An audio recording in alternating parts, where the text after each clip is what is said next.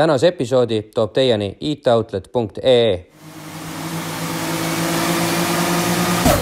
oi fuck, nüüd käisid kõik klapid pähe.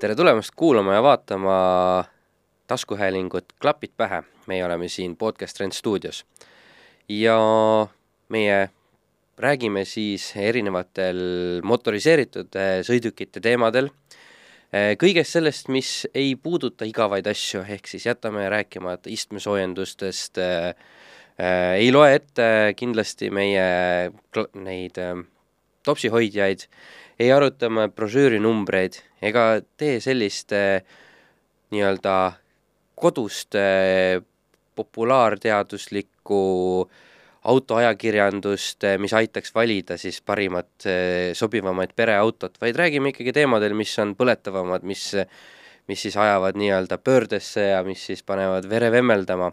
ja meil on siis alati abiks ka üks külaline, et lisaks siis Jannele ja minule ja On- et äh, eelmisest äh, neljapäevast äh,, tähendab eelmist neljapäeva jätkame siis oma eelmise külalisega, kellel äh, on äh, vist äh, tiitleid sama palju kui minu autol hobujõudu või kilovatte ma isegi ei jõua neid kõiki ette lugeda, aga ma arvan, et võib öelda, et tegemist võib olla vähemalt ajakirjanduslikult mootorite maailmast kõige targema mehega Eestis võib-olla tõesti. tere tulemast tagasi, Toomas Vabamäe!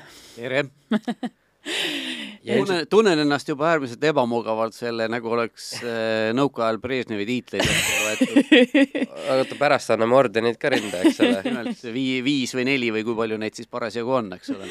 no tõenäoliselt on ikkagi üks kõige olulisemaid asju see, et kuidas eh, sinu ja Tarmo Klaari hääl on nagu mm, nii-öelda põlvkondades eh, kinnistunud eh, läbi siis vormel ühe, läbi ühe vormel ühe kommenteerimise ja mm -hmm. Ilmselt ka nii-öelda vormel ühe, ühe kõige, meie regiooni ühe kõige populaarsema aja jooksul siis.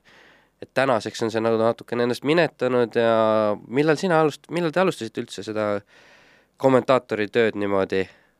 Äh, Tarmo tegi seda enne ka, ma isegi ei tea, mis, mis aastal täpselt, aga Aare Eller oli tal seal, Villu Ester oli tal seal äh, partneriks, võib-olla oli, võib-olla oli keegi veel, vist Kalev Kruus ka, ma seda isegi täpselt, täpselt ei mäleta.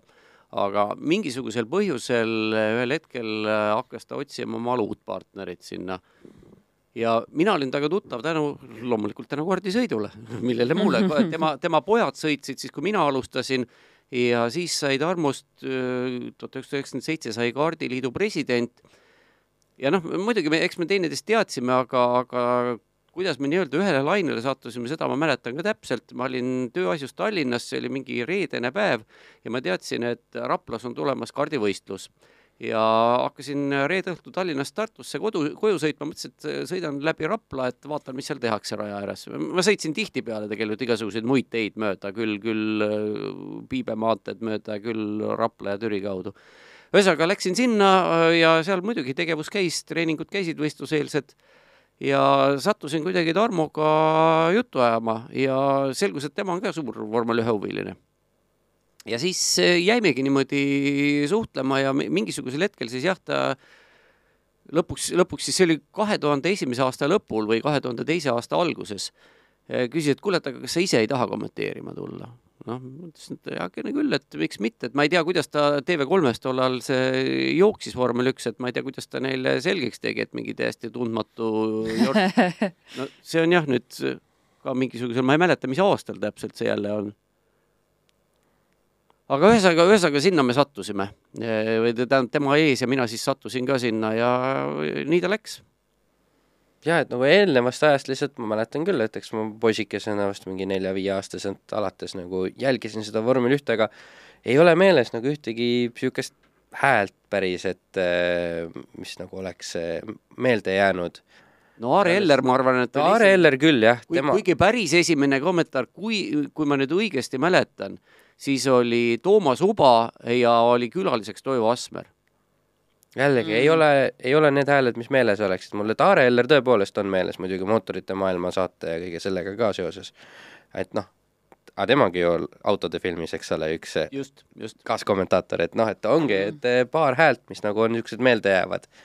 ja okay. et eh, siis nüüdseks tänase päevani ju tegelikult sa ju vahelduva eduga seda tegemas oled. jah, no me tegime kui ma nüüd õigesti mäletan, kaks tuhat kaks kuni kaks tuhat seitse vist oli viimane hooaeg, mis me tegime koos, siis tuli vahe vahele, no vahepeal üldse Eestis ju otse üle ei kantud ja kui eelmisel aastal hakkas Viaplay uuesti tegema, siis no see tuli täiesti, minuga võeti ühendust Lätist, sest Läti mm -hmm. kaudu see organiseerimine käib, noh, mul on Lätis ka suhteliselt mm -hmm. palju autospordialaseid tuttavaid igasuguseid, ma olen ka seal kohapeal võistlusi kommenteerimas käinud ja siis Lätist võeti minuga ühendust, küsiti, kas sa tahad, noh rääkisime asjad läbi, selgus, et tahan küll ja, ja tänavuseks siis leiti, et on nii populaarne see, et saab ka kahekesi teha.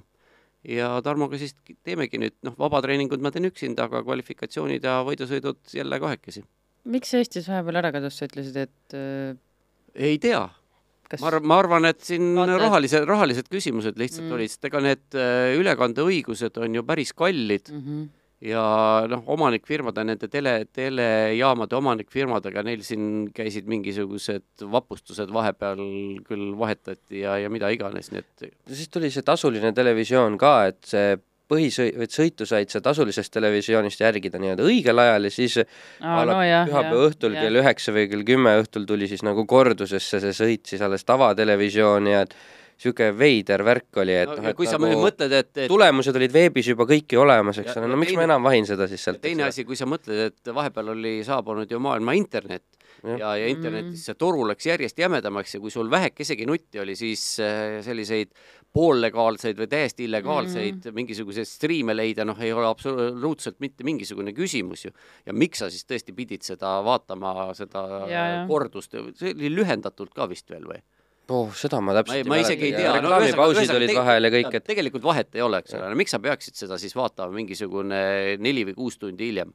täpselt, et noh, et seda kui sa otse ka ei saa, on ju, et noh, ja lisaks siis see, et ja kui sa juba peaksid sellest raha maksma, eks ole, siis oli ju veel vormel ühe enda veebisaidilt võimalik koos mingite kaameravalikutega ja mis iganes valikutega. see tuli, see tuli natukene hiljem ja see oli muidugi ka väga hea võimalus tegelikult, aga noh, see on ka, neil oli ka probleeme seal, tehnilisi probleeme, sest minu teada alles eelmisel aastal sai see nagu enam-vähem korralikult tööle, et muidu, muidu käis ikka niimoodi üle kivide kändude no, Nendepoolne see tehniline ja see oli puht, noh, see oli uudne tehniline lahendus, keegi ei olnud seda niisuguses mastaabis kunagi varem proovinud, et noh, selles mõttes on täiesti arusaadav. mis see tähendas siis, ise said kodus režiid teha enda, iseendale või? no päris nii vist ei olnud, aga noh, see, see ülekande maht eelkõige ja noh, kui sa mõtled, et see läks ju, eks ole, kui palju neid tellijaid üle kogu mm. maailma oli, kui suur see erinevad kanaleid, noh, põhimõtteliselt ju kõik autokaamerad, eks ole, kakskümmend autokaamerat, siis rajaäärsed, siis boksikaamerad, siis ajavõtt no,, siis GPS. Aga Virtsul on ka ju no Virtsul on natukene teistmoodi vist, seal ei neil, ole. Neil peaks veel keerulisem olema, sest nendel no, on leviaugud ja, äh, igal just, pool on ju. aga no, no igatahes, no igatahes, aga, aga see ka jah, praegu toimib ah,.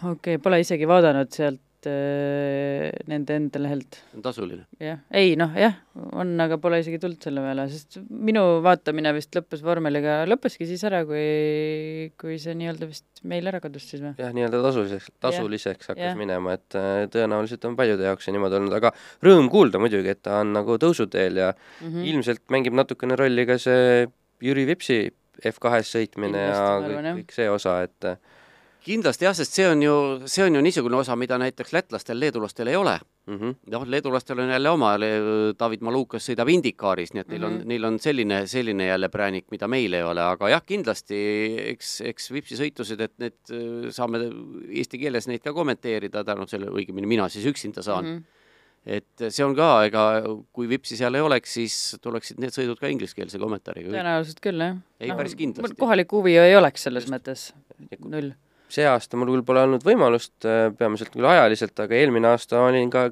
Viaplay tellija, sellepärast et just nimelt neid Vipsi sõite vaadata. ja see ongi, et kui inglisekeelse kommentaariga on sul võimalik ka neid vaadata, eks ole, siis seal keegi ei keskendu sinu nagu lemmiksõitjale ja noh, kui sul eestikeelne kommentaar on, siis ilmselgelt äh, eestikeelses kommentaaris on pidevalt siis nii-öelda Vipsi edenemisest juttu ja kõigest sellest, et et see on ikkagi oluline ja see ongi sellepärast, miks ilmselt seda eestikeelset kommentaari tellitakse, et no tahaks loota nii jah, saada teada neid asju, eks ole, ja noh, ütleme nii, et suures vormel ühes ilmselt ka siis nii, soomlaste edenemised on alati olnud hingelähedased ja, ja kõik seegi, et aga kuidas sina nagu erapooletust ikka säilitad ja kuidas sa nagu niimoodi hoiad äh, ma ei tea, kuidas ma seda hoian, aga tihtipeale küsitakse, et kes sul lemmiksõitja on, aga mul ei ole, mul, ei no mul ei ole, mul ei ole aastakümneid enam, ma arvan, et mul viimane lemmiksõitja oli Jeanne Alesi millalgi tuhande üheksasaja üheksakümnendatel aastatel. no ikka ammu jah. niisugune underdog? Äh, noh, jah, mõnes mõttes küll, aga nendel on alati, ma, kui ma niimoodi tagasi mõtlen, siis noh, mul enamasti on, on just sellised äh, tõusuteel või sellised paljulubavad sõitjad, kellel mm Mhm. -hmm. ei, kellel ei lähe niimoodi noh, nagu Lewis Hamiltonil, eks ole, et sammub võidult võidule ja põmm sada kolm Grand Prix võitu, eks ole, et Mhm. Eh, noh, praegu on tema jällegi, kui sa, kui seda sinu väljendit kasutas, underdog, eks ole, et noh, eile, eile näiteks, et noh, südamest kahju oli, kuidas tal võeti võit ära, aga noh, niisugused asjad juhtuvad ja jah, on olnud just sellistel noortel ja tõusvatel sõitjatel, nendel on huvitav olnud pöialt hoida, näiteks ka Michael Schumacherile, kui ta alles tõesti mm. -hmm. tuli esimestel aastatel. siis, kui ta juba oli maailmameister, noh siis äh, minu jaoks ta äh, nagu selline no ta selles mõttes, ma saan aru, sest ta ei ole nii põnev, et noh, sa juba tead ette, mis noh, et ta on väga tubli ja ta on väga hea ja ta sõidab hästi, aga, aga jah, niisugust põnevust võib-olla enam nii palju ei ole um, umbes nii jah. jah. no ja nagu Vettel oli neli korda maailmameister ja nüüd on niisugune underdog on ju, et jah, just. jälle, jälle on nagu põhjust talle kaasa elada, et mm. -hmm. on sellised äh, olukorrad Just. muutuvad, aga jah, ei, mul ei ole, mul ei ole püsivaid lemmikuid. Mm -hmm. kuigi muidugi jah, süüdistatakse ikka, et olen ühe ja teise ja kolmanda äh, poolt kindlasti, ei, ei, ei, ei, ei.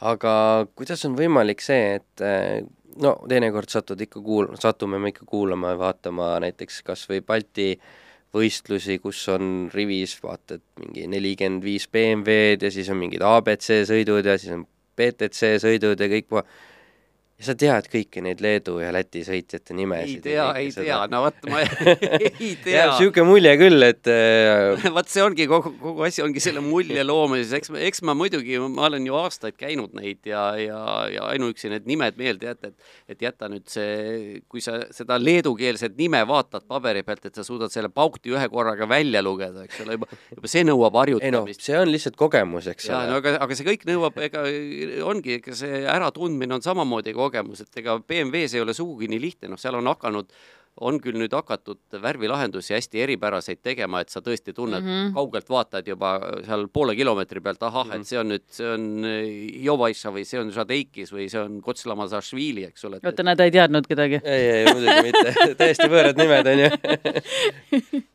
aga, aga sellised asjad, noh, eks see tuleb, eks see tuleb ajaga muidugi, et seda ei saa, no no võimatu on, et kui sa lähed esimene kord sinna raja äärde, et siis sa kohe kõiki ära tundnud, et täpselt, täpselt samamoodi kui noh, eelmine nädal näiteks äh, kommenteerisin Eesti simulaatori vorm, seda, kuidas see siis nüüd on, virtuaalse vormelisõidu meistrivõistlusi noh, ma olin muidugi, ma ju valmistusin ka ikkagi mm Mhm. -hmm. selleks ette, et, et vaatasin, millised on, millised on kellelgi autodel kujundused ja nii edasi, noh, seal on lihtne, seal muidugi tuleb alati nimi ette, aga põhimõtteliselt ikkagi on see keeruline, et jätta, jätta kõik need meelde.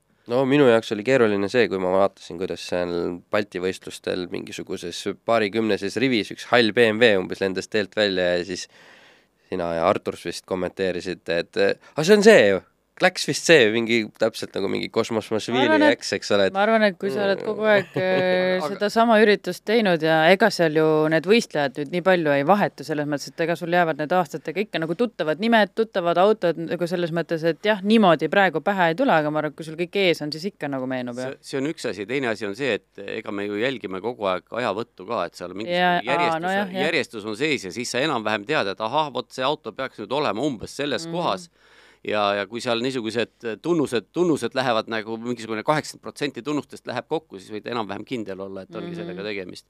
nii et ta ei, ei ole päris jah niimoodi, et ma kõiki, kui nüüd öeldakse, et hakkame mulle nüüd ette lugema, et kõik need nelikümmend kaheksa tükki, kes seal starti tulevad, et mis, mis värvi ja mis numbriga ja ei, ei, ei, ei, Mm. seda ma kindlasti ei suuda. ma ei usu seda muidugi, ma arvan, et tal tegelikult tulevad need meelde kõik. ei muidugi tulevad, vaikselt niimoodi.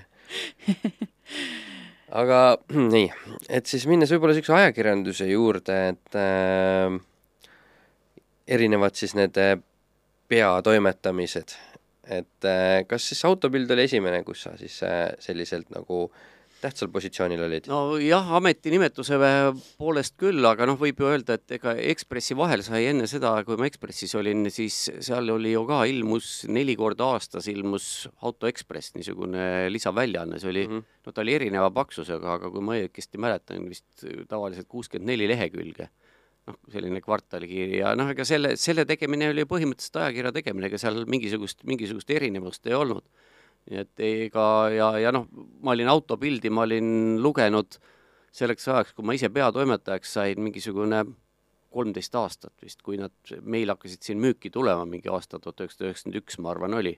saksakeelsena siis? saksakeelsena jah, no saksa keelt ma ka sealt, ega ma ei olnud koolis ju õppinud, et äh, nii palju, kui ma nat-, no olin natukene kursusel käinud, aga, aga mitte piisavalt, et ma isegi rääkida oskaksin. ja siis sealt hakkasin samamoodi niimoodi enam-vähem veerides mm. -hmm. nii, ja siis see autopildi toimetaja, toimetamine kestis siis kui kaua umbes? kestis natukene rohkem kui kaks aastat, no põhimõtteliselt ma läksin kahe tuhande kolmanda aasta novembris läksin ajakirjade kirjastusse tööle, kes seda välja andis.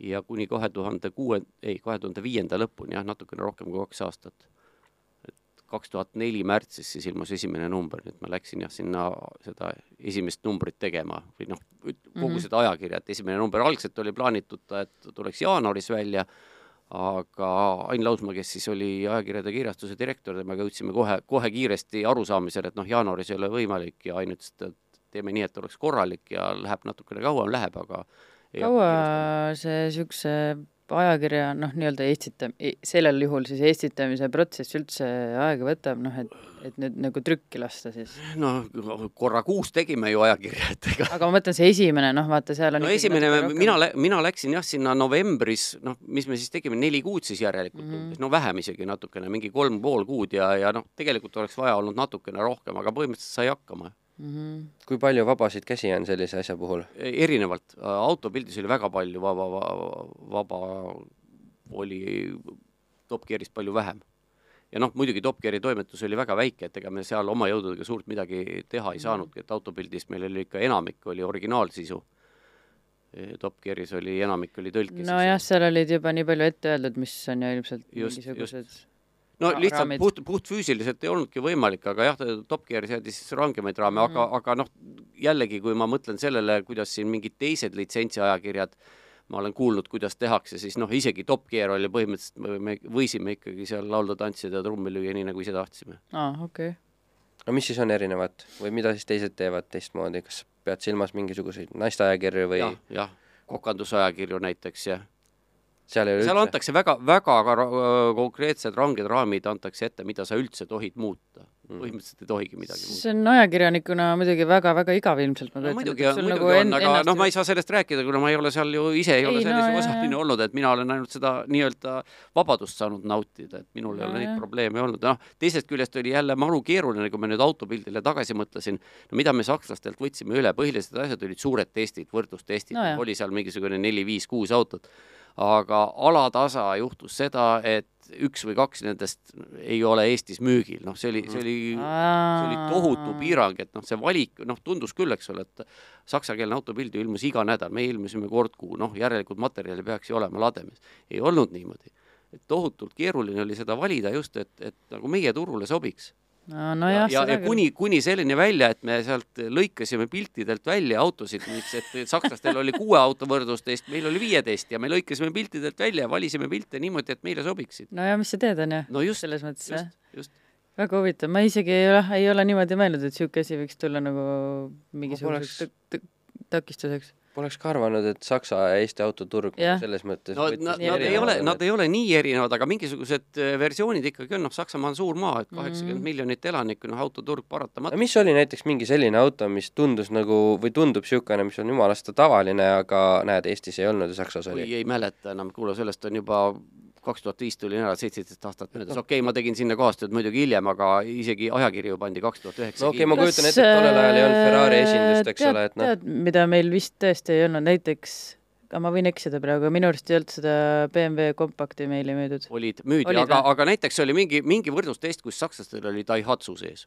palun väga. okei okay.. aa, Eestis ei nojah, jah, nojah, ja ilmselt nii-öelda emotsionaalsematest autodest, et kuna Ferrari esindus tehti Eestisse alles ka vist ju no ne, ei, nendega, nendega ei olnudki, need olid pigem selline eksootika poole pealt, sealt probleeme ei tekkinud, noh, need olid niikuinii eksootikad, eks ole, et kuule, aga Daihatsu, minu isa töötas Daihatsus, ma olin siis mingi viiene neid, või? neid müüdi siin üksikuid jah, aga siis, kui me ajakirja tegime ametlikku esindust enam ainult Daihatsu kolis natuke hiljem üldse Euroopast minema, aga no ühesõnaga see niisu-, niisuguse, niisuguste asjadega tuli, et seal ei, need ei olnud mingid väga erilised autod, need olid noh, lihtlabased, aga, aga lihtsalt selgus, et või noh, mingisugune konkreetne versioon näiteks mm, -hmm. seal olid ju tehniliste andmete võrdlused ka kõik, et konkreetne versioon, noh, Saksamaal näiteks on mingi üks koma kuus diisel, Eestis ei ole, noh, me ei saa ju võtta teda okei, mingi mootori just, meil käisid ju sinna juurde käisid, eks ole, kõik eh, hinna mm, hinnad mm, Mhm. lisavarustused, ka kindlustus näiteks, noh, meil ei ole mõtet ju sellest kirjutada, kui Eestis seda ei ole olemas. ja, ja.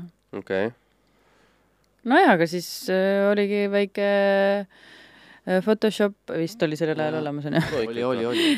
tehti sealt äh, väike delete ja igav ei olnud jah, igav ei olnud, nii et seal tööd oli, tööd oli kõvasti jah. ei, see oli noh, ma iga, ilma igasuguse võlts tagasihoidlikkuseta julgen öelda, et see oli tollal oli kindlasti kõige parem autoajakiri, mida Eestis üldse oli tehtud. ütleme niimoodi, et kahe tuhande viieteistkümnenda aasta kandis Autoleht oli veel parem, et jääda objektiivseks Mhm. autoleht enne seda, kui siin hakkasid omanikud vahetuma, oli tõesti super hea, sest nemad said ka, neil oli autopildi ju neid suuri lugusid said Mhm. kasutada. Neil oli korralik suur toimetus, oli asjatundlikud, neil oli eelarve korralik, nad said väga head ajakirja teha. nüüd on Jah. vist autogeeniuse või selle all, et, noh, jah, et kuidas Et, seda et kõik äh, noh, suurt pilti vaadates, siis äh, ilmselt autoajakirjandus paraku on surev žanr. kuidagi ja kahjuks ma pean ütlema, et tundub ka sedasi, vähemalt siin meie konnatiigis. no ega, ega ei ole ka mujal maailmas, kui ma aga miks see nii on? jah, eks see on vist kogu see suur taustsüsteem, et mm. äh, sisepõlemismootor ikkagi ka suretatakse vaikselt välja, elekter tuleb asemele, noh. ja, ja kuidagi auto on selliseks äh, kodumasina staatusesse järjest rohkem liikumas. see, mida mina olen ära visatava kodumasina staatusesse. jah, just nimelt, et mida mina olen, mille vastu mina olen kogu aeg võidelnud ja, ja see ongi olnud selline kogu nende ajakirjade tegemisel ka põhiline tees, et me ei kirjuta köögikombainidest ega külmkappidest, me ikka kirjutame emotsionaalsetest no asjadest. täpselt, see nagu meie saade on, et äh, põhineb sellele, et just, just, ei no ega noh, sealjuures on, podcastidesse võib-olla kolib, kolib see autondusega, siis selles ei ole midagi halba, et Ei, ongi- taustsüsteem muutub, elu muutub koos sellega. sealjuures Toomas on minu arust sotsiaalmeedias ka tihti väga häälekas jalgrattateede vastane ja sealjuures tuli ta täna siia jalgrattaga. ma sõidan jaa, ma sõidan ta jalgrattaga ja ma olen isegi jalgrattaga, jalgrattamaratonidel osalenud, no see on küll juba aastaid tagasi, aga ikkagi, nii et ma sõidan, sõidan pidevalt jalgrattaga ja, ja noh, ma võin öelda, Tallinnas on jalgrattateedega on täpselt nii, et on nagu on, ega neid sõimatakse täiesti asjakohaselt. et on sellised kohad, kus äh, jalgrattatee järsku lõpeb ja siis jälle, jälle järsku algab. Liivalaia tänav on kõige, kõige ettejuhtavam tead, näide. Tead, mis eriti huvitav on, meil Saue ja Keila vahele tehti ka just see punane rattatee, aga millegipärast on ta maantee keskjoonel.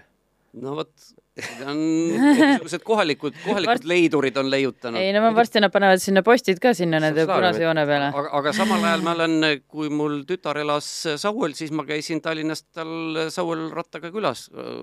Tallinna ja Saue vaheline rattatee oli suurepärane ja on On. siiamaani suurepärane. ja, ja nüüd on veel eriti saad sealt äh, kuskilt äh, puude vahelt minna, aga ühesõnaga, et, et ma arvan, et äh, Toomas on täieõiguslik arvamuse avaldaja ka selles äh, rattateede maailmas, sest sa oled ju autojuht ja rattur ka, et noh, et just, äh, ja jalakäija ka veel just, et, et, et võib-olla nii ongi kõige õigem noh, et, et sa tegelikult näed kõiki nurki, on ju. et miks üks ühtepidi on hea ja teistpidi ei ole ja nii edasi nagu no Tallinnas ma üldiselt püüan autoga võimalikult vähe sõita, et kui on kuskile kaugemal ja mingisugused kesklinnast kaugemale ja mingid konkreetsed asjad, mida on vaja ajada, siis, siis sa sõidan autoga, aga kesklinnas ikkagi jah, enamasti, enamasti käin jala. absoluutselt jah, aga tõusiga sõidan ka muidugi Tallinnas jah, päris palju. see on jah ka üks populaarne asi, mida vahetatakse viimasel ajal auto vastu. no mina küll renditõuks, et ma ei ole endale, ei ole ostnud, et selle, selle asja võlu ongi see, et ma ei pea ise muretsema selle pärast, et kus teda hoida ja kuidas teda laadida ja mm, seda küll, jah. ja kui ta kipub näiteks nagu Tartus selle elektrijalgratta näitel põlema minema veel ja ei noh, see on muidugi lahe, jah. ei no need saavad nii palju peksa muidugi, need akud, et hüpatakse isegi, oleme ju siin teinekord äärekivi pealt ikka hooga üles või alla pannud, et ma ei tea, millest sa räägid. jaa kuule, aga lähme võib-olla Toomas asjadega siin Jaa. edasi. et eh, siis läksid, eks ole, nii-öelda emotsioonidel põhinevasse autoajakirja ehk siis Top Gear'i. no see oli, see oli jah teistmoodi, ma olin äh, pärast äh, autopildi, ma olin vabakutseline kuni kahe tuhande kümnenda aastani, siis kutsuti mind uuesti Ekspressi tagasi toimetajaks. ja siis äh, kaks tuhat kolmteist oli jah see, kui Top Gear, ta oli alanud ja hakanud ilmuma, mina ei olnud seal esimene peatoimetaja.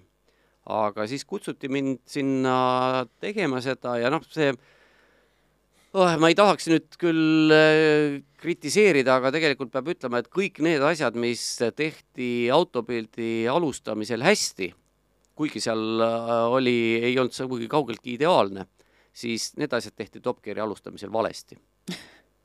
jah, mis asja? Top Geari minu arusaamist mööda see asi oli, algatus oli see, et äh, see sa räägid siis Eesti omast, Eesti omast ja, ja Eesti omast, mitte, mitte mm, -hmm. mitte Briti omast. Sest eh, noh, ma ei räägi ka Saksa autopildist. ei no ja, ja. aga Top Gear minu arusaamist mööda Eestis eh, oli selline rahatrükiprojekt esimese ideena, et noh, need kolm tola on seal, eks ole, tohutult populaarsed tol ajal olid, et noh, mis siis on, laseme ajakirja välja, siis hakkab raha tulema nagu raba. tegelikult mm. -hmm. esimene asi oli see, et äh, ajakirja sisul on väga vähe ühist sellega, mida Clarkson ja sõbrad oma saadetes tegid Mm -hmm. noh, sisuliselt äh, mingid kolumnid ainult, praktiliselt mitte midagi. Top Gear on korralik inglise stiilis autoajakiri, noh, võib-olla natukene, natukene selline emotsionaalsem ja, ja vabama käsitluslaadiga kui mõned teised. ilusama pildiga võib-olla. no jah, kuigi ega ma ei ütleks, et Kaaris näiteks nüüd pildi kvaliteet kuidagi kehvem oleks nojah, aga, aga noh, nii või teisiti. Ja, ja see oli nagu esimene valearvestus. teine valearvestus, mida, mis ka tegelikult autopildis ja autopildis ju, kui me vaatame tagasi kaks tuhat kolm, siis äh, meestele suunatud ajakirju Eestis praktiliselt ei ilmunud, need olid kõik, mis olid, pandi kinni kuskil üheksakümmend kaheksa, üheksakümmend üheksa, kui see börsikriis oli ja siis hakati tasapisi uuesti, kui elu läks paremaks ja, ja normaalsemaks, siis hakati uuesti neid tegema. ja keegi ei osanud ette arvata, kui suur on see auditoorium. no sellega me panime autopildist ka ikkagi räigelt mööda, me eeldasime, et eh, lugejaid ja tellijaid tuleb oluliselt rohkem, kui lõpuks tuli. noh, keegi ei teadnud. Mm. naisteajakirjadel ei ole probleem, et, et, et kahe, kahe vahel on mingisugune nišš, teed sinna kolmanda ajakirja ja siis mahub sinna veel umbes seitseteist tükki, et aga meeste ajakirjadel see niimoodi ei ole ja, ja Top Gearil jah, ja esimesed äh,, esimesed numbrid, mis tehti, siis äh, ma ise mäletan, et ma kirjutasin ka mingisuguse arvustuse selle esimese numbri kohta. et seal ikkagi oli tehtud toimetamisel selliseid vigu, mida, mida üheski autoajakirjas ei tohi teha. kui sa nimetad ikka Le Mani kahekümne nelja tunni sõitu ralliks, siis palun sõber, tegele millegi, tegele ikka millegi muuga kui autoajakirja väljaandmisega. kas, kas siis see, kes selle välja ütles, ei olnud tegelikult ise üldse autondusega seotud või? no ikka, ikka oli, aga noh, seda tänaseks lahkunud Urmas Just, äh, ja oli vist Urmas? Jah. jah, et äh, ta oli vist Delfi see mingi auto ta või oli, ta oli Delfi, just, ta oli auto, autorubriigi toimetaja Delfis, ta oli ise ka suur äh, Top Geari fänn. nii et selles mõttes oli igati, igati loogiline, et ta seda hakkas tegema, aga nojah, nii oli, ühesõnaga mina, mind võeti jah, sinna seda, võib öelda siis seda kreeni vajunud laevukest päästma ja noh äh,, sai seal suhteliselt kiiresti mul sellest asjast isu otsa, ütleme ausalt. Kas sa lihtsalt ei näinud potentsiaali seal või? noh, seda võib ka öelda jah, aga, aga ei, ei olnud see päris see nagu Mm -hmm. mida ma ette kujutasin, et autopildi kogemus oli mul all ja, ja noh, see võrdlus paratamatult tekkis ja siis see ei, ei olnud ta oleks tahtnud ise rohkem kirjutada. no seal oleks tahtnud ise jah, originaalsisu teha, aga noh, kuna me olime kahekesi, sisuliselt olime me ju tõlkebüroo, noh mm. olin, mina olin tööl, siis oli tegevtoimetaja Esta Tatrik ja noh, siis meil oli meil seal äh, punt tõlkijaid ja meie, meie töö siis si- laias laastus ikkagi taotluski kaheksakümmend viis protsenti tööst oli see, et me neid äh, tõlgitud tekste toimetasime, et iga, ise tegemiseks jäi seal väga vähe ruumi ja siis, kui kirjastuse juhtkond arvas, et nüüd me peaksime hakkama praktilist autoajakirja tegema, noh, siis see oli, see oli minu karikas, see viimane piisk, et sõbrad, mis asi, Top Gear ja praktiline autoajakiri, et no, istmesoojendused ja topsihoidjad, eks ole. nojah, umbes niimoodi, eks ole, et see, see, see, see ei ole nüüd küll see asi, mida millises autos mahub kõige rohkem turvatoole kõrvuti? ja, ja, ja siis, ja siis ma panin sealt asjad kokku ja läksin Ekspressi tagasi. jah. mõistlik tegu. ei, see ilmselt nüristab tegelikult, ma kujutan ette, väga kiirelt ära, kui sa pead tegema jah, lihtsalt tõlketööd ja sul ei ole enda loovust äh, kuidagi võimalik väljendada nii-öelda või sellist no ei saa, ei saa öelda, et ei olnud, et eh, me tegime ikkagi noh, eks ma lohistasin Esta ka sinna ju, temast sai ju, Postimehes oli ju aastaid, kirjutas ta ise, nii et eks ma olen teisigi inimesi lohistanud niimoodi vägisi sundinud kirjutama ja ja, Tema kirjutas Top Gearis Mhm. mm -hmm. ja mujal ka autopildis samamoodi ja, ja ka Ekspressis enne, nii et mm. -hmm. et noh, tema on ka nüüd siiamaani kirjutab autodest, kuigi ka muudest asjadest, aga aga mis on olnud mõningad niisugused ähm, autoajakirjaniku ajastu kõige ägedamad autoelamused, et ma praegu siin panin seina peale meile siin ühe Porsche sihtotstarbelise kasutamise. ja see Porsche sihtotstarbeline kasutamine leidis aset kuskil Lapimaal. Iga aasta leiab aset seal minu teada. no mina olen seal, mina olen seal ühe, ühe korra käinud ainult, aga, aga jah, see on, see oli üks, kindlasti üks selliseid eh, meeldejäävamaid elamusi, mis on, need on muidugi omajagu, et noh, kui ma ei eksi, siis teinekord on sellise ürituse näiteks sõiduinstruktoriks ka Valter Rööl olnud ja mis äh, üritus see on üldse? see ongi põhimõtteliselt, no see oli konkreetselt, oli küll ajakirjanikele tehtud, aga põhimõtteliselt on need sellised äh, sõidukursused mm. Porsche Driving Experience Aa. Need on jaa, erine, erinevad, erinevatel tasemetel seal, noh, meile tehti küll seal algajate kursust, aga noh, seal oli ka väga, väga erineval tasemel inimesi oli, mõned olidki täiesti, täiesti algajad ja noh, kes olid, neil oli muidugi juhiluba, aga mingid sellise kiire kus- sõiduga, eriti veel, eriti veel jää peal. kust kaudu see kutse tuli siis nagu? Porsche, Eesti Porschest. lihtsalt äh, sinule kui ajakirjanikule Ja, ja, ja, ja, Toomasele, jah? just, mm. -hmm. et selliseid asju, asju ikka on ja noh, mina olen nüüd küll aktiivsest autoajakirjandusest eemal, et mingisuguseid proovisõitudel ma enam ei käi, aga, aga noh, ma tean, et siin ikka inimesed satuvad niisugustesse mm -hmm. kohtadesse. Aga äh, kas noh, sellist, selliste kutsetega, kas eeldati ja, ja kas see ka siis toimus, et sa pidid mingisuguse artikli kuskile kirjutama sellest ja? see on, no see oligi, see oli töö osa, noh, see on mm igasugune, see ei ole lihtsalt, et noh, ma tean, et meil on siin ka Eestis on juhtunud selliseid asju ka uuemal ajal, et kutsutakse keegi, keegi blogija või keegi No jaa. Youtuber kuskile sõitma ja siis noh, noh, ta lähebki ja sõidab ja, ja siis sellega asi lõpebki, et noh, aa, et, et mingit väljundit ei toimugi. Aa, okei okay,, et lihtsalt nii-öelda siis kasutavad juhust ainult no umbes nii, jah. enda heaks. Umbes nii. no kui kokkulepet ei on- ole, siis noh, otseselt, otseselt, ega minult ju ka keegi allkirja ei võtnud ju, eks ole. aga noh, see aga- oli, see oli, see oli orgaaniline osa tööst, noh, minul oli ju vaja seda, et mul oleks üks asi see muidugi, et ma sain ise elamuse, aga et äh, mul oleks materjali, millest kirjutada. mm, jah, see on ju, on ju loogiline, noh, nemad pakkusid mulle seda materjali.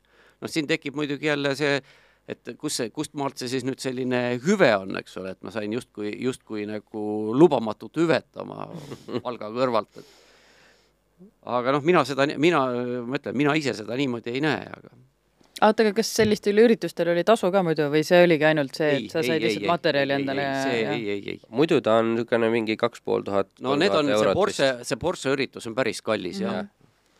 aga see on nüüd Eestimaal, see on lihtsalt ühe, lihtsalt üks fotosessioon ühe toreda autoga. Jaa, lihtsalt see on niisugune illustreerimaks seda, et Toomas oskab ka burnout'i teha. jah, Lexus IS, ISF ilmselt on IS, see. jah, ISF just nimelt. tuleb, tuleb suitsu küll, ei ole häda midagi. driftinud oled?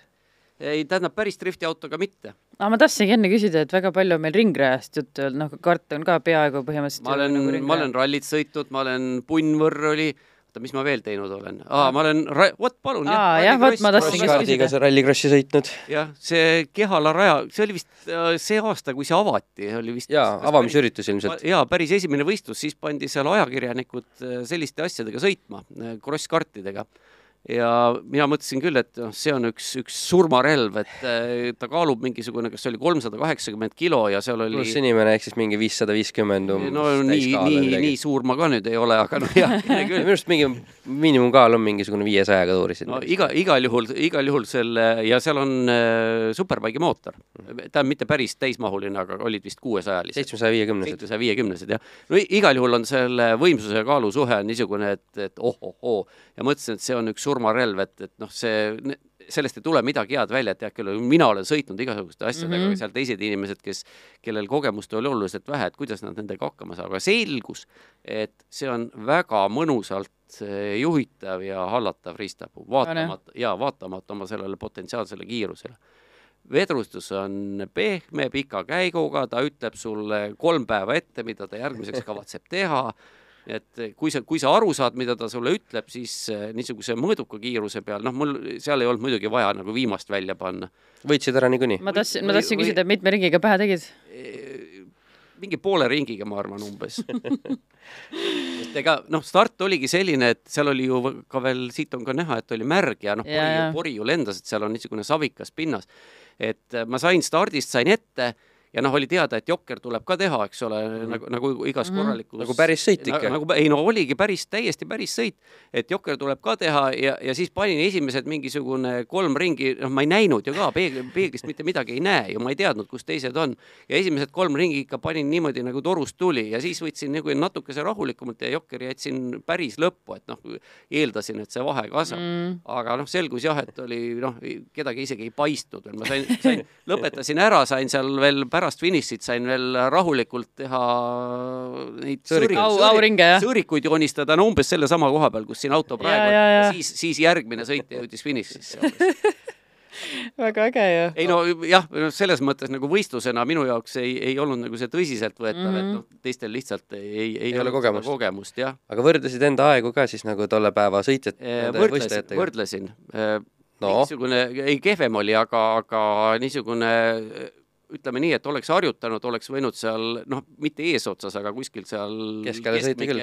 et mingi ikkagi võinud... mingi koht, noh, selles mõttes, et kuskile jõuda nagu, jah Ole,? oleks võinud tõenäoliselt jah, kui ole, aga see eeldab, see kõik eeldab no, harjutamist. ei muidugi. treeninguid, jah just, et täiesti, täiesti lambist peale minna ja autot, mida varem ei ole isegi näinud, noh, me saime seal natukese sõita küll mõni, noh, ma ei tea, kümmekond ringi vast enne võistlust ei, ega need on jube ägedad putukad küll. jaa, absoluutselt ja, ja siis ma sain äh, Raul Orav, kes äh, nende maaletooja on, siis äh, vist oli poolteist aastat hiljem, siis ma sain jäärajal ka käia selle ristapuuga, noh mm, -hmm. see oli veel, see oli muidugi veel, see, jaa, see oli muidugi veel ägedam. seal on ikka pidamine ka. Mhm. see oli ikka täiesti, täiesti, täiesti müstiline kogemus ja jälle noh, seal nõudis küll harjutamist või harjumist, et mm -hmm. aru saada, et tegelikult see noh, mitte miski asi ei pea paremini kui piik jää peal mm. -hmm. mingi asfaldirehv ei, ei, ei pea paremini. see on müstika, jah. see on täiesti uskumatu jah, kuidas ta tõmbab hinge kinni lausa pidurduse peal, kui piigiga pidurdab, et et ja on nii nii et jah, ma olen igasuguseid, igasuguseid jah, autospordialasid proovinud, aga vaat drift on jah see, mida ma ei ole proovinud. no vot, driftimeestele siin äh, kutsuge Toomast siis ka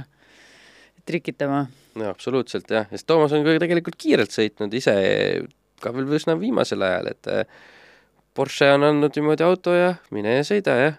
nojah, see on, see on nüüd üks rojapäev, ma ei mäleta, see oli mingi, mis aastapäev see täpselt oli?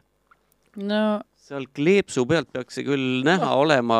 vast polegi nii oluline. aga iga, igal, igal juhul ta jah oli ja, ja noh, sõna otseses mõttes oligi nii, et noh, ega ma nüüd ei saa salata, et eks mul see võidusõidu taust on võimaldanud äh, pääseda kohtadesse ja, ja, ja kasutada võimalusi, mida ilmselt kellelgi teisel ei ole, et tihtipeale räägitakse seda, et noh, tavaliselt need autoajakirjanike need niisugused sõitmised on, et kus üks, üks instruktor auto sõidab ees ja siis äh, mm. rivi sõidab järel, siis vahepeal öeldakse, et vahetame nüüd positsioone ja instruktor sõidab suhteliselt rahulikult ees. Need, need on erinevad, eks neid on erinevaid jah, aga noh, siin tõesti mul on olnud selliseid olukordi, kus äh, no ka siin pildil olev, et äh, küsisin, et kas ma saan selleks ürituseks autot. Öeldi jah, okei okay,, anname, too lihtsalt tervelt tagasi, ühest tükist tagasi üsna mõistlik soov nagu. ei no muidugi jah, aga, aga ma arvan, et ega jällegi, et võlts tagasihoidlikult julgen öelda, et ega väga kellelegi teisele ilmselt ei antaks. no arvata on, ega ei julgegi anda ju igaks juhuks. no sa pead, sa pead ikka teadma tegelikult, kellele sa annad, kust, noh, see heakene küll, eks ole, et äh, see auto siin konkreetselt, noh, mis ta siis maksab, eks ole, sada, ma ei tea no sada, sada tuhat eurot. midagi sihukest ilmselt jah. ümmarguselt natukene peale.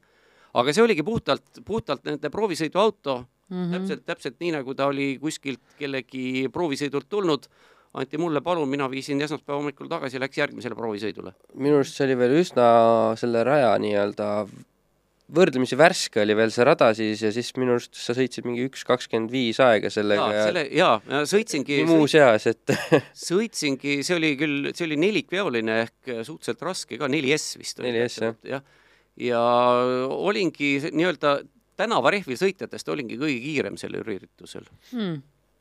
Open track'i üritus siis, et ta ei, ta ei olnud open track Aa, ah,, ta oli ta oli jah, sportauto rajapäev või midagi sellist, aga no põhimõtteliselt ikkagi seesama open track. no tollel ajal sõitsid veel need eh, paljud GT3-dega mehed mingi kakskümmend kolm aega ja siukest, et ütleme nii, et tase, tase ei olnud see, mis tänapäeval. no kindlasti jah, aga ikkagi pani natukene, ütleme, kulmu kergitama, et Toomas tuli, võttis võõra proovisõiduauto, millel olid tavalised tänavarehvid all ja sõitis siis üks kakskümmend viis aga noh, selle autoga oli tõesti niimoodi, et ta tegi ikkagi suure töö tegi ise ära, et mina pidin lihtsalt, lihtsalt eh, hoolitsema selle eest, et mitte teda segada. suunama natuke, onju. jah, just. tõenäoliselt nagu ilmselt kõige suurem niisugune auto mm, elamus ajakirjanikuna on vast olnud ikkagi siis äh, vormel ühega sõitmine või? vast jah, no neid elamusi ma ei ole kunagi niimoodi hakanud ritta panema, sest ega need elamused on juba kasvõi see, noh, vormel üks on üks muidugi kiiruse poolest ja kogu, kogu see asi, aga, aga noh, kui näiteks äh, proovisõidule käisin Namiibias, noh, see on oma, ainuüksi see koht Namiibia, palun väga, jah, siin on Kaljukitse pöörjoon Namiibias. auto oli seal küll Toyota Hi- Hilux, mis ei ole teab mis, teab mis selline väga-väga mm -hmm. Südant põksuma panev, aga, aga ikkagi, et need on erinevad, need elamused on lihtsalt erinevad, aga jah, vormel üks äh, kiiruse ja kogu selle asja poolest kindlasti oli, oli, siiamaani on kõige, kõige, kõige, kõigem. ja see on, see on sealsamas, ega seal käis ka samm-sammult, see on kaheliitrine Renault. kuidas näeb siis välja selle, see, kuidas ajakirjanikud pannakse vormel ühte sõitma? No seal oli jälle, tase oli, tase oli väga erinev, et inimesed, kes noh, esiteks olid igalt poolt maailmast, meil oli siin Balti riikidest, siis oli Itaaliast, siis olid äh, Lähis-Idast kuskilt äh, Dubaist, ma ei tea, mis kõikidest riikidest. ja, ja tase taust oli väga erinev tase ja taust. Noh, mina olin karti sõitnud, minul ei olnud sellega mingisugust ja väikse vormelit olin ka muidugi proovinud, et minul ei olnud mingisugust erilist probleemi selle, selle autoga, muidugi vormel ühega oli naljakas, oli see, et ta või naljakas noh, esimene mulje oli see, kui sinna sisse pandi istuma, siis esiteks, et rattad on tohutult suured. ja, ja. Nad on sul otse siin, eks ole, niimoodi noh, käeulatuses sõ- sõna otseses mõttes.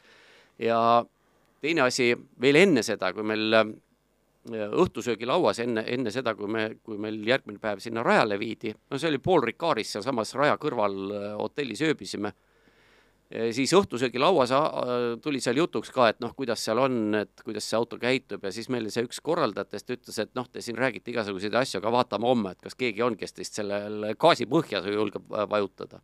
ja tal oli pöörete piire oli kas üheteist või kaheteist tuhande peale pandud, noh, vormel üks tollal käis kaheksateist tuhat. Mhm. Ja siis, kui ta seda oli öelnud, et noh, vaatame, kes gaasipõhja julgeb panna, siis mõtlesin, et esimene asi, mida ma homme teen, kui ma boksist välja sõidan, ma lasen selle mootori piirajasse. ja lasin Nii, ka. lasid, jah? lasin ka.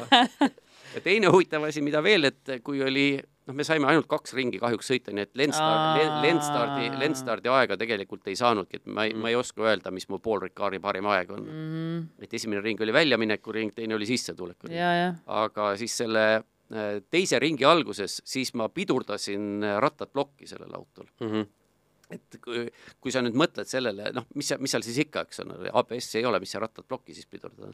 vormel ühel on uh, see jõud, millega peab pidur ja pedaali vajutama, see on üle saja kilo jah, ja noh, meid ka seal, me noh, saime, me saime koha peal, seal see eelmine pilt üks oligi, mis näitas, et koha peal enne, enne kui meid rajale lasti, siis garaažis olid seal üks auto seisis, siis saime nii-öelda kuivalt harjutada, et kuidas seal äh, on käike vahetada, kuidas seal on pedaale vajutada, kõik, kõik sellised asjad. Ja noh, öeldi meile ka, et see pidur ja pedaal on hästi-hästi kõva, noh, ma olin kardiga sõitnud, eks ole, ma teadsin, et kuidas see pidurdus, et noh, ongi, et mitte nii nagu sa tänaval, et hakkad sujuvalt peale vajutama, vaid, vaid vastupidi, et sa laksad põhja ja siis hakkad vaikselt järgi laskma, et noh, seal teoreetiliselt peaks olema niimoodi, noh, vormel ühel ka, et see aerodünaamika mängib sul nii palju kaasa, et ta tegelikult sulle ei blokeeru. aga noh, muidugi esimese korraga ma jõudu doseerida ei osanud ja siis vaatasin, ohoo, tossupilv. no miks ja mitte? muidugi, muidugi, mis Paul Ricari rajal on see äh, mis kurv see siis on, tagasijärgi lõpul kurv number kümme, Sinje kurv et sellest on kahju, et ma ei teadnud äh, tol hetkel, et sealt saab äh, sõita läbi niimoodi, et ei pea üldse gaasi lahti laskma ah.. et ma esimene kord, esimene kord pidurdasin, teine kord ei pidurdanud, vahetasin lihtsalt käigu alla, aga sealt oleks võinud täie lauluga läbi lasta, et aerodünaamika oleks selle auto ilusti hoidnud asfaldi peal. keegi ajakirjanikest niimoodi julges ka sõita või? ei, ei, ei, ei, ei aga kes, olid sina seal siis nii-öelda kõige kok-, suurema kogemusega ja, või oli? kindlasti jah, jah sest äh, oli mul Läti ja Leedu kolleegid, noh, neid ma tean enam-vähem, noh, neil on ka mingisugust võidusõidukogemust ikkagi on, on natukene selja taga, aga, aga ilmselt mitte sellist mm. -hmm. okei okay. aga noh, ma saan aru, et sinu emotsioonidest, et tegelikult see on nagu see, millega tahaks veel äh, noh, muidugi, muidugi oleks tore, aga samas see on, see on noh, Pärnus ju ka, käib, eks ole, Rajamägi käib, Juhan Rajamägi Rootsist käib ju mm. siin iga aasta ikkagi mitu, mitu sessiooni on ja noh, see hind on üks asi, eks ole, et ega ta, ega ta nüüd üleliia odav ei ole, aga seal jällegi noh, kui sa seal oma raha eest lähed, eks ole, siis on seal kindlustus, sul on seal üks asi, siis teine asi, sa pead niikuinii mingisuguse tagatisraha sinna jätma ja et noh, juhul kui sa seal midagi ära lõhud et see ikkagi paneb natukene mõtlema, et noh, kui ma oleksin sellises seisus, et ma ei peaks rahatähtede pealt numbreid lugema, et noh, siis võiks ju, aga aga ma, ma natukene, ma, ma natukene kardan seda, et kui ma, et, et see, et ma võin järgmine kord võin pettuda selles, kui ma läheksin. ja, ja. aga sa ütlesid siin, et noh, et kindlustused, asjad, aga kas autoajakirjanikel on ka mingid, järgnevad mingid karistused, kui midagi ära lõhkuda, et mina mäletan mingit lugu, et sa oled sinagi katuse peal lõpetanud nii, nii ja teisiti, kuskil. jaa, nii ja teisiti, et eh, eks ikkagi, kui, kui proovisõiduauto siin, noh, Eestis on kindlasti, et sa alati, sul on mingisugune, autodel on kindlustus, kuigi mõnu, mina olen sattunud üks, tegelikult rohkem isegi kui üks kord auto otsa, millel ei ole kindlustust. ja mul on olnud ka ükskord selline juhtum, kui eh, auto, mille ma olin proovisõiduks, noh, lepi-, mitte, noh, proovisõit oli ka, aga põhimõtteliselt puhkusereis Leedusse mm. -hmm perega ja siis võtsin siit proovisõiduauto, noh muidugi leppisin kokku mm -hmm. sellega, et, et niisugune sõit on, eks ole, autofirma oli kõik nõus mm, -hmm. ei ole probleemi. aga auto varastati Leedus ära. ja see oli mingisugune aasta kaks tuhat üks äkki või mm. -hmm. ja selle auto hind oli umbes nelisada tuhat krooni tol ajal, noh, see oli, see oli päris kallis yeah.. ja, ja mis siis, auto oli, ma küsin vahepeal äh, Volkswagen Touran mm.. Mm -hmm. MPV. no ja, ja, no. universaal mm. -hmm. ja, ja siis selgus, et äh, sellel autol ei olnud kindlustust, kui ma tagasi tulin. ja kindlustust ei olnud, noh, autofirma enda oma, nad ei tee sellele kindlustust mm, -hmm. sest neil on, neil tuleb niimoodi odavam mm. -hmm. et kui, kui see noh, mingi midagi mm -hmm. juhtub sellega, eks ole, siis noh. ise teeme korda. just, teevad ise korda ja ise, ise seda veavad. aga muidugi kellelgi ei tulnud seda pähe ja noh, siis äh, ega ei olnudki midagi teha, et need käed on siin, et nüüd tuleb hakata seda autot siis otsast kinni, kinni plekkima. noh, okei okay,, omahinda muidugi, eks ole, mitte seda müügihinda, aga, aga noh, ikkagi see oli ka, see oli ka päris valus.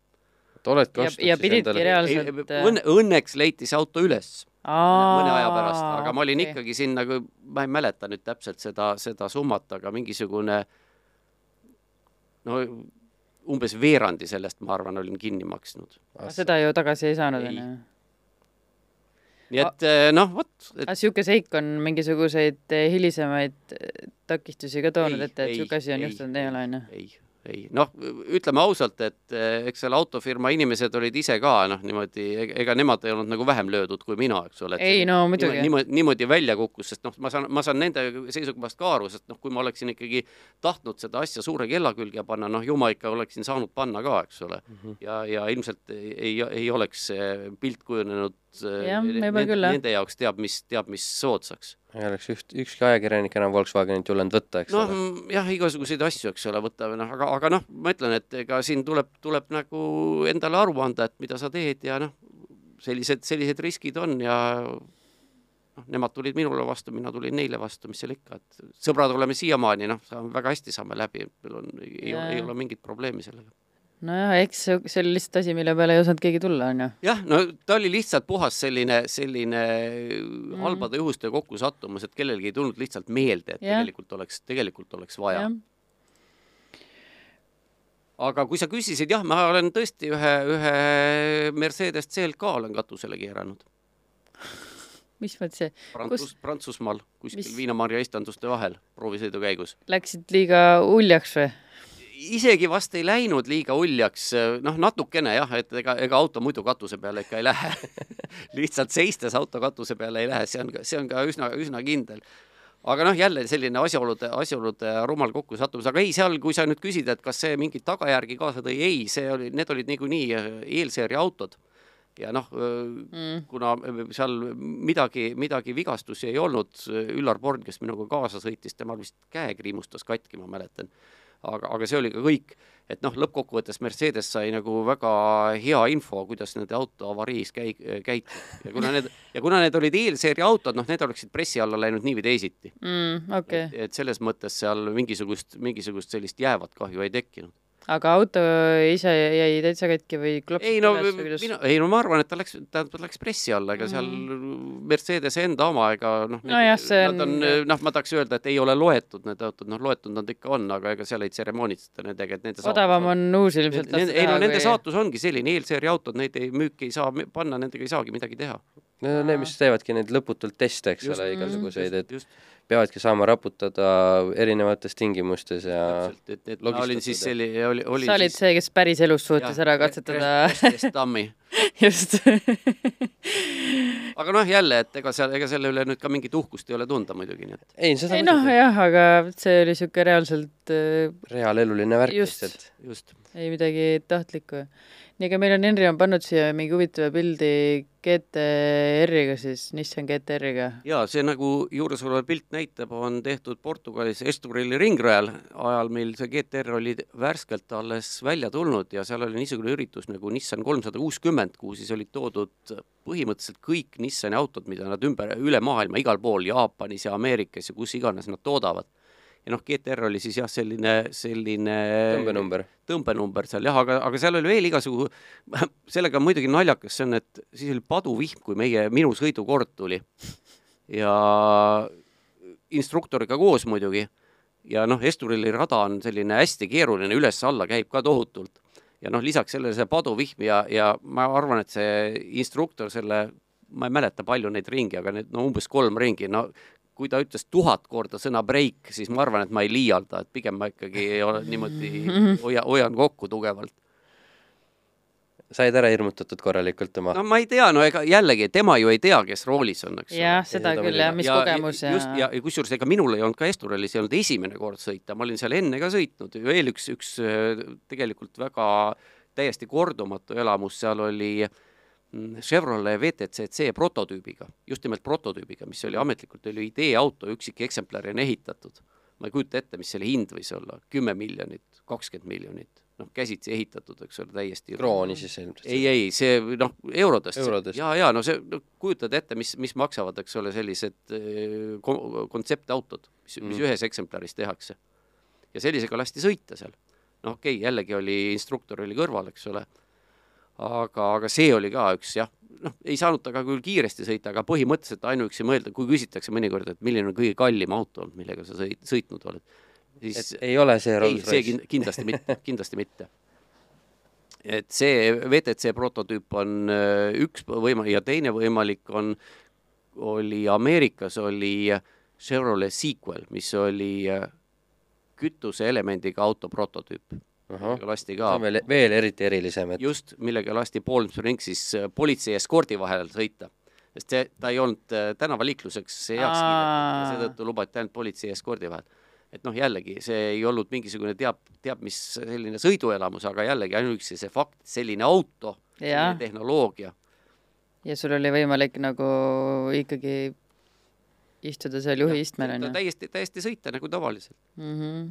no oli midagi erinevat ka. Nagu tavaline elektriauto, juhi ko- seisukohalt täiesti tavaline okei elektriauto okay,, sellepärast et lihtsalt noh, nagu Euroopa Liit on otsustanud, et on ainult, ainult akudega elektriautod ja selle asemel, et noh, jaapanlased ja mõned veel arendavad no, kütuseelemente no eks seda arendatakse edasi kütuseelemendil, mina olen ka väga, väga sõna võtnud, et on minu arvates ei ole see elektriauto nagu akuga elektriauto sugugi, kuskil ei ole kirjas, et see nagu ainuvõimalik tee on. minu arust ka kütuseelement annab ikka sõiduulatust. jah, aga kütuseelemendil on selliseid pisipuudusi, mida siiamaani ei ole kuidagi suudetud eh, välja ravida ja noh, vesiniku enda eripäradest sõltuvalt ega võib-olla mõnda ei õnnestugi, aga noh, väga uhke raketistardi saaks. jah, no ega ei mitte põle-, kusjuures vesinikku saab ka põletada sisepõlemismootoris, see on, see on ka täiesti võimalik. BMW ju lasi mingisugune viisteist aastat tagasi tegi kas sada, sajaautolise seeria seitsmendat, seitsmendat, seitsmendat jah. nii et sellised asjad on ka võimalikud mm. -hmm. aga võib-olla liigumegi siis nagu maalähe-, maalähedasemate masinate juurde. see Rolls-Royce on küll maalähedane, näed, siin on maaõhkkonnas, see on no vaata, kui kõrge ta on. see on, see on Lätis kuskil, aga noh, põhimõtteliselt jah, ikkagi maal mm,. ma küll pidasin silmas natukene maalähedasemaid. no vot jah, see on nüüd sinu enda, et sina ei ole kergemate autode mees tavaliselt olnud. jaa, no see on nüüd äh, minu tööauto. nimetagem selle siis äh, mis, mis mudeliga tegu on? Jet Brava, aasta vist, ma nüüd päris täpselt ei mäleta, tõenäoliselt üheksakümmend viis. ja selleks ajaks mul oli äh, Vass kakskümmend üks null kuus, nojah, siin on ka, siin ma istun selle, selle tagaluugil. Service auto. just. ja see on jah, teine, teine kordihooaeg ehk üheksakümmend seitse. aga noh, nii kaua kuni..., ühesõnaga see oli jah, Asmer oli ju, Asmer AS, Toivo Asmeri firma oli ju Fiati äh, importöör üheksakümnendatel aastatel mingit aega ja tegelikult neil esimene aasta nad müüsid mingisugune üle kolmesaja Fiati ja see oli, see oli super tulemus tol ajal, noh kui päevas üks äh, auto põhimõtteliselt. ja, ja no see ja, ja tol ajal, kui sa mõtled, et palju, ma ei kujuta ette, palju üldse aastas uusi mm -hmm. autosid müüdi, siis see oli super tulemus ja, ja see Brava oli ka olnud Euroopa aasta auto, nii et mina mäletan, et ma valisin, noh, ta oli töö, tööautoks mul jah, et ma valisin, see Brava oli üks variant ja teine variant oli, mis oli kaalumisel, oli Škoda oli fa-, Fabia oli küll muidu jah. ei, Fabiat veel ei olnud, Felicia oli siis. siis ei olnud. aga jah, ja Mart Kongo oli siis see endine väga tuntud ringrajasõitja, kes mulle selle müüs ja see pilt, kus ma peal olen, ma arvan, et on ka tema tehtud. see? seesama jah jaa, aga sina oled alati olnud selline, niikaua kuni mina mäletan, kas siis Alfa Romeo taustaja või siis kergete väikeste autode sõber? no see, see tuli jah, natukene hiljem, et noh, kui sa mõtled nüüd tagasi, eks ole, siis äh, Lada oli esimene auto mul, noh, mis on ju no, ka olemuselt, ei no, no sund, noh, üheksakümne teisel aastal jah, ega midagi muud mis sul ikka valida, eks ole, et noh. valida oli, see oli ka tegelikult põhimõtteliselt tööauto algselt see on ita-, no on ju ka Fiat sisuliselt, teine auto oli Fiat, eks ole siis eh, järgmine oli Alfa sada viiskümmend viis. no tuleb mingi muster tuttav ette, eks ole. no ikka üsna itaaliapärane. no üsna itaaliapärane ja siis, siis eh, järgmine oli Seat Leon. see oli mul ajakirjade kirjastuses autopildi ajal tööauto. ja siis hakkasid tulema, siis oli Citroen C2 järgmine, siis oli DS3 mm no siin on jah, see VTS, kusjuures see oli kõige kangem versioon, saja kahekümne viie vot see ongi see Toomase eripära alati, et tuleb mingi niisuguse nagu ök-, ökopunniga ainult, et seal on alati mingisugune Kõik, veider kiri juures. kõige ägedam VTS versioon või... sellest ökopunnist on ju. või OPC või midagi niisugust. ja see, see C2 oli, oli väga äge selle, selle väikese ja noh, suhteliselt kerge kere kohta, see ikka liikus väga hästi edasi noh, sellest ju tehti juunior WRC sarjas mm -hmm. neid äh, ralliautosid oli nende baas ja Eestis sõitis ka neid üks, üksjagu palju ringi. tänase päevani sõidab neid ka näiteks Rallycrossis veel. Ja, ja veel alles paari aasta eest sõitsid mõned nendest ka Euroopa meistrivõistlustel, kuni homologeering siis ilmselt läbi sai lihtsalt, et äh, sama see juunior WRC auto võetud baasiks ja ühe koma kuuene vabalt hingav mootor, kus sai ju ropult jõudu mingi just, et see oli, see oli nelikümmend hobujõudu tundub, et oli sport või noh, võidusõiduauto jaoks päris hea baas ja tal oli huvitav on, tal oli veel mingisugused huvitavad eripärad, noh, need väikesed autod läksid nagu selle, miks ma hakkasin väikesi autosid eelistama, et lapsed kasvasid suureks, ei olnud enam vaja perega ringi sõita eriti. ja noh, üheksakümmend protsenti sõitudest teen üksinda, no mis ma vean sellest sajast või saja viiekümnest kilost plekist ikka kaasa üleliia no ma ei tea. no vot ja, ja, ja nii ta on ja, ja, ja, ja, ja nii, ja nii kestab siiamaani, aga sellel autol oli huvitav veel eripära oli ju tagaluuk, tal oli kaheosaline tagaluuk. ülemine osa käis üles, alumine osa käis alla. ohoo, Range Rover. ja, ja, ja taga ja tagaistmed olid, said piki suunas nihutada ja noh, kokku klappida sai niikuinii. et see oli tegelikult, andis uskumatult palju paindlikkust tema kasutamisel. aga jah, siis kahe Citroeni järel, siis tuli Alfa Mito no see on nüüd teine Citroen jah, DS3 Eesti lipu värvides, noh kuigi see sinine ei ole päris õige toon. ja must on ka veits läbipaistev. jah, aga ei no piilarid on ikkagi päris mustad. ja siis oli Alfa Mito jah, järgmine, no see pilt on küll nüüd see on päris Alfa noh, kuidas nüüd võtta, eks ole. kas temal on seda Alfa Romeo seda tun-, tunnet sees, et, et äh, mingid siuksed korralikud, korralikud vimkad või midagi? kusjuures see pilt on tehtud üldse Itaalias äh, kaardisõidu maailmakarikavõistlustel, kus ma käisin, see on aasta kaks tuhat kümme nähtavasti ja siis ma küsisin äh, Alfa Romeost endale, et kas ma saan võtta Roomast auto ja sõita sellega sinna Saapa kontsa otsa, kus need võistlused toimusid ja pärast tagasi äh, jah, palun, et näed, seal on, Roomas on selline, selline esindus, et lähed sinna, ütled, et sina oled see ja võta auto ja sõida. ja nii mm. ma siis sõitsingi mingisugune, ma ei tea, nädal aega või natukene rohkem, mis see auto minu käes oli. ja tulid koju, ostsid endale ka? no see oli mõnevõrra hiljem, aga jah, mul oli, et ma teadsin, teadsin, mida on oodata mis on sellise Alfa Romeo nii-öelda vimkad või? Mingid erilised vimkad, et kui meil siin Rando käis kunagi et kui meil Rando käis kunagi, siis noh, tema näiteks oma saja viiekümne üheksa universaalkerega mudeli no, puhul rääk-, Itaali... kirjeldas väga elavalt ja värvikalt seda, kuidas tagaluuki avada näiteks talvel, siis kui sul on ei, käed minul, täis ja minul ei ole, minul sellega ei olnud väga mingeid eh, eripärasid, aga noh, kuna mul on niikuinii on nii palju Itaalia autosid olnud, siis noh, seda räägitakse küll niimoodi naljaga pooleks, aga, aga mulle tundub, et see kehtib või vähemalt varem kehtis ka Ferrari vormel üks autode kohta, et itaallastel on elektriga on probleemid. Ja miks on elektriga probleemid? probleemid on sellepärast, et kuigi Volta oli itaallane, siis Ampere oli prantslane. Nii et pinge on alati olemas Itaalia autos, aga vot vooluga on probleem, vool ei jõua sinna, kuhu peab. ma olen vist kuulnud seda, kui sa nüüd välja ütled. Ja vot Alfaga ka ikkagi selliseid asju juhtus. Ja muidugi, mis, mis noh, oli tehasest, et seal kuidagi, kui ta oli mul täiesti uus, esimene teenindus oli ette nähtud viie tuhande kilomeetri peal, siis viisin sinna ja siis äh, see teeninduse mees tuleb niimoodi kuidagi sellise äraseletatud näoga ja ütleb, et kuule, et me peame sul selle auto natukeseks siia jätma, et me peame turbokompressori ära vahetama. Kukkus enam-vähem niimoodi lõug põlvedeni, et mis asi see siis nüüd on, ütles, et ei noh, et tehasest näed, oli sinna õhufiltri korpusesse oli mingi mutter unustatud ja see oli, see oli turbost läbi käinud. Ja noh, turbo seisis ainult ausõna peale koos. Ja, ja noh, siis nad vahetasid selle ära, muidugi noh, see oli puhas garantiijuhtum, eks ole, et minul ei olnud seal midagi, midagi ja noh, ma isegi vist sain asendusauto või noh, ühesõnaga see mingisuguseid tagajärgi mul ei toonud, aga noh, see on selline mm -hmm. Itaalia autotööstuse eripära, et, et ikkagi kui Piero ja Alessandro on eelmisel ja, päeval ja, seal ja, natukene palju krapat pruukinud, siis noh, võib selliseid asju juhtuda. viinamarja istanduste vahel kangutamas käinud aga see ei ole viinamarja istandus, seal on oliivipuud on taga. aga kas sa tänase Alfa Romeo ostaksid? Jaa äh,, Giulia iga kell. on jah? absoluutselt arvad, et kestab paremini ja nüüd jõuab pool ka kohale? tähendab, sellega on nüüd niisugune lugu, kui mul oli sada viiskümmend viis, siis ma käisin seda Elvas äh, Urmas Mägioja teeninduses ikka remontimas. ja seal üks tema töömees ütles mulle ka, et no mis sa jamad selle Alfaga, et mine osta endale Passat vot, vot, vot see, vot see on asi, mida ma kunagi ei tee, ma olen enne nõus selle alfaga jamama, noh, nii teatud piirideni.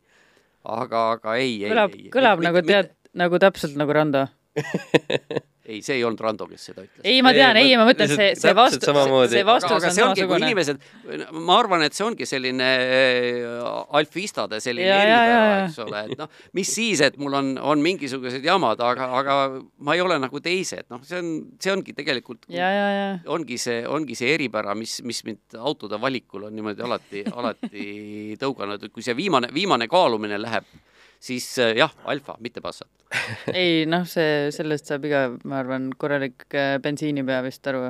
Toomas on see mees täpselt, et kes läheb ostma endale tumedat äh, universaalkerega diiselautot, millel oleks ei, konks ei, ja kõik asjad ja siis, ja siis jõuab koju tagasi punase Alfa Romeoga ma ei, ma ei lähe seda ostma, mul on algusest peale olnud plaan ikka punane Alfa Romeo osta. ja mul on enamik autosid punased ka olnud, nagu see siit ja on jah. piltide pealt on näha olnud, jah no Itaalia autodel peavadki punased olema, aga jah, see Opel Corsa on ka punane. see on siis praegune vist või? see on praegune jah. jaa, sellel on ka lihtsalt niisugune, muidu tundub niisugune väike punn veider puha, aga tagaluugil on see OPC kiri, mis nagu midagi ütleb. jah Opel Performance Center vist oli selle, ja... selle, selle mis nad siis juurde on talle andnud või teinud? on, on antud äh, mõned kilovatid on juurde antud, neid on seal sada viiskümmend kaks kokku. ja palju see auto kaalub? Oi, ta kaalub palju, palju, palju. tuhat kolmsada peaaegu või? kolmsada ja ta on sellest ajast. koos Opel... sinuga või? ma ei ole ausalt öeldes kaalu peal käinud, aga ma arvan, et ilma minuta. Oho. et äh, see on pärit ajast, kui Opelid olid hirmrasked aga mis ta raskeks, mingid tehnikad? ta lihtsalt ta... on raske no ta lihtsalt on no,. kõik tegelikult... materjalid on nagu siuksed, mis hmm. on jaa, ilm, see ongi, ongi tuhat kolmsada on noh, ütleme nii, et äh, BMW E kolmekümne kuue kaal ja tal on kilovatte rohkem kui kõige võimsamal mitte M3 E kolmekümne kuuel, nii et ta on ikka kiire auto. jaa, ta on kiire auto, tal on Vir suured kaheksateist tollised äh, väljed, on äh, Brembo pidurid, piiratud libisemisega diferentsiaal. no ta on rajaauto. no põhimõtteliselt jah. põhimõtteliselt võiks öelda, et sinu igapäevaauto on täpselt selline auto, millega võiks jumala julgelt minna ükskõik millisele meie kandi ringrajale ja täiesti vabalt päeva otsa seal kangutada. jah, no ma ei ole küll sada protsenti veendunud, kas ta, noh, ega temaga väga mugav ei ole kiiresti sõita, sest noh, raskus on üks asi et ta lihtsalt on, on füüsiliselt raske, aga kaalujaotus on ka, et tal ikkagi väga palju on esiotsa peal seda raskust mm., aga, aga samas ma olen proovinud, et see difri lukustus ikkagi toimib kiiretes kurvides väga hästi, et saab niisuguse mõnusa, mõnusa neljaratta libisemise tunde saab sellega autoga täiesti sisse mm. -hmm. et täpselt toimib nii, nagu peab et äh, mees, kes kasutab oma autot nagu päriselt sihtotstarbeliselt ikkagi. ma ei ole, ma ei ole teda sihtotstarbeliselt tegelikult kuigi palju kasutanud, ma olen ikka enamik rajal pole käinud sellega? ühe korra olen käinud. ma just tahtsin küsida, kus sa neid kurve siis võtad no just, ei, ma ei sõida, ma, ma ei sõida, kusjuures jah, kui sa küsid niimoodi, ma maanteel sõidan korralikult, mul naine ütleb, et ma olen kõige, kõige aeglasem äh, autojuht, keda ta üldse teab. et üheksakümne alas üheksakümne ühega? absoluutselt. ja, ja siis lähed Põlva postiteele ja sõidad üheksakümne alas üheksakümnega, eks ole? seal on seitsekümmend. seitsekümmend seitsekümmend ja nüüd, et lihtsalt enamustel inimestel on see, et kui sa tahad seal seitsmekümnega sõita, siis sul peavad väga suured munad olema. ja, ja, ja ilmselt küll. see on, see on jah, see tee on muidugi mul ka ammust aega juba väga, väga hästi selge, et noh, ma ei saa öelda, et päris, päris niimoodi lõpuni selge, aga ma ikka enam-vähem tean, et kui on künga sees, siis ma tean, mis seal künka taga on. no vot, minul vist ei ole väga palju seal õnnestunud sõita, et üks bucket list. see on hirmus. see on tore hirmus tore, jah. aga nüüd sinu kogu varasema nii-öelda autokogemuse pealt öeldes, mis on see auto, mille sina lõpuks ostaksid endale? oi, ma ei tea. mitte oma rahakotti arvestades ei..., vaid mis auto sa peaksid ostma endale no, üleüldse? ma nüüd, ma nüüd ei oska, see, see on jälle täpselt nagu selle lemmikvormeli sõitjaga, ma ei oska seda öelda, et äh... aga kas on, okei okay,, kui sa seda ei oska öelda, kas on midagi sellist, mis on jäänud veel proovimata, mis on nagu niimoodi hinges, et noh, vot see on niisugune masin uh,? Ei, ma ei ole seda niimoodi ka mõelnud, et kuna ma nüüd jah, aktiivselt proovisõitudel enam ei käi, noh, kui ma selle otsuse tegin, siis oli jah, see oli niisugune, niisugune veider hetk, et siis hakkas tulema neid pakkumisi niimoodi, et noh, see, see mingisugune järgmise no jaa, aga siis tuleb uute autode pakkumine. ja no jah. ma siin, ma pean oli, silmas no seal, seal oli, no seal oli näiteks Ford GT, seal oli McLareni mm. terve testipäev ma ei mäleta, mingid asjad olid veel, noh, mingist umbes väga valel ajal tehtud umbe, otsus. umbes samast klassist, noh, otsusekindlus on ka, otsusekindlus on ka teatud väärtus no.. mänginud otsuse ümber siis natukeseks ajaks, pannud nagu, otsuse puhkusele. no said teised käia, noh, siis kahju ei ole. tagasituleku tuur. ja, ja ei, pigem mitte. et on seda, on seda tehtud juba küll. ei, ma ei, ma ei jah, ei ole niimoodi, niimoodi mõelnud isegi noh, lapsepõlves, kui ma kogusin autopilte see oli üks sellest auto, autohulluse niisugust algfaasidest, siis noh, sai sõpradega ikka niisugust mängu mängitud, et lehitseme seda albumit ja siis oh, mis pildi, mis auto sa siit leheküljelt võtad. ja, ja, ja, ja. see oli niisugune lõp, lõpmatu meelelahutus, noh. minu arust võib seda täiskasvanuna ka mängida. absoluutselt ja tavaliselt mehed paljud mehed Minu seda teevadki, kes Henri teeb seda kogu aeg, ta isegi ei vaata ajakirja, vaid äh, linna peal ringi sõites. oh, vot see auto, seda tahaks, vot seda, seda on unistuste auto jah, ma ei tea küll, kas, kas mingisugune niisugune, niisugune on olemas, milles pärast seda, kui ta nagu endal enda omanduses on, et kas siis väikest pettumust ei teki, sest noh, needsamad asjad, mis sa siin näitasid, eks ole, kõik eh, DS3 ja, ja Mito ja, ja OPC, et noh, ma ei olnud nendega enne, no Mitoga olin sõitnud enne, eks ole, aga selle konkreetse OPC-ga ma ei olnud sõitnud ja DS3-ga ma vist ei olnud ka sõitnud. C2-ga ka kindlasti ei olnud sõitnud. et eh, need olid eh, noh, ma ei saa öelda, et ma pettunud olin, kui ma, kui ma, need autod enda kätte sain, aga selline uudsuse võlu või, või see lahtus üsna kiiresti. ja, ja, ja, ja ma ei tea, kas on mingit sellist asja, mis, mis oleks niisugune, millel, millel see ei lahtuks. ma ei ole sada protsenti kindel. ilmselt mm. ei ole. no karta on jah, et, et varem või, varem või sa hiljem lihtsalt muutub... harjud sellega ära jah, ja see lihtsalt ei ole enam nii põnev. võib-olla nii no või, võib-olla veel, vot üks asi, kui ma, kui ma nüüd seda OPC, sellest on nüüd juba peaaegu viis aastat, kui ma selle ostsin, siis tegelikult mu esimene eelistus, mida ma, mida ma sihtisin tollal, oli Toyota GT kaheksakümmend kuus või Subaru BRZ mm. -hmm. üks, üks kahest, noh, mis on sisuliselt sama auto mm. -hmm. ja, ja need hinnad olid täiesti, täiesti okei okay., nad olid ainult tsipakese kallimad kui see Opel. aga mis sai takistuseks, oli kindlustus Aa. Nende, nende GT kaheksakümne kuue ja BRC kindlustus oli nii pööraselt kallis, et seal oleks tulnud kasko eest aastas mingisugune kolm tuhat eurot maksta. ossa jussas. see on nagu kuidas, kuidas, kas nendega juhtub nii palju õnnetusi? no ilm, ilmselt, ilmselt jah see oli alguses ilmselt siis, kui nad ostetigi ega, ega nad, ega nad ei ole praegu ka väga palju tagasi läinud. päriselt ka? see on Et kall- see kallim niisugune- kui Porschega mingid Cayenne turbode ja Panamerade ja No vot. mis iganes, üheks üks ühest kindlasti kallim ja et noh, no vot, see on ikka see on ikka väga kallis, jah. Aga muidugi oleks täitsa huvitav olnud, et äh, arvestades, nagu me nägime sinu autode järjestust, et see oleks midagi täi- tä- tä- täiesti teistmoodi olnud selles mõttes, et jah, aga, aga noh, ta oleks olnud jälle selline noh, lõbus, noh, ta on Mhm. ju pesuehtne lõbusõiduk, et ma olen vaadanud ka neid, neid pruugitud autosid, et noh, aga jälle, et hinnaga isegi saaks, samas sa ei tea kunagi, mis sa saad mm. Seda mootorile tuleb kohe Just, teha väike seda häälestus, sellepärast et keskpööretel kipuvad kolvid ära sulama just, just seda ma tean. nii et nojah, ütleme, et unistada ju võib, eks ole, aga mm. -hmm. Mhm. aga meie viimane küsimus iga kord on alati meie külalisele ka niisugune natuke intrigeeriv. mis on, mida ei tohiks kunagi oma autoga teha?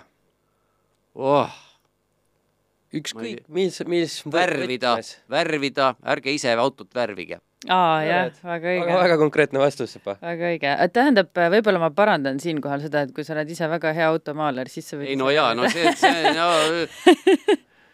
kui sa oled ise väga hea, eks ole, mis iganes, väga hea mootorituunija, siis sa võid ise ka jaa, sinna mootorisse sisse tuunida, aga noh, seda ka ei soovita nagu muidu, kui sa ei ole see väga hea aga ma olen nõus jah, ja kui sa just ei lähe mannergule. No vot, jah, siis võid võtta värvirulli ja värvida auto üle. kuule, Toomas, aga oli väga vahva sinuga vestelda siin laua taga, et äh, lõpuks teada saada, mis peitub Toomases rohkem kui see, mis ma muidu näinud olen ja kuulnud. aitäh sulle! et aitäh ja kohtume siin ilmselt aastate jooksul veel, veelgi.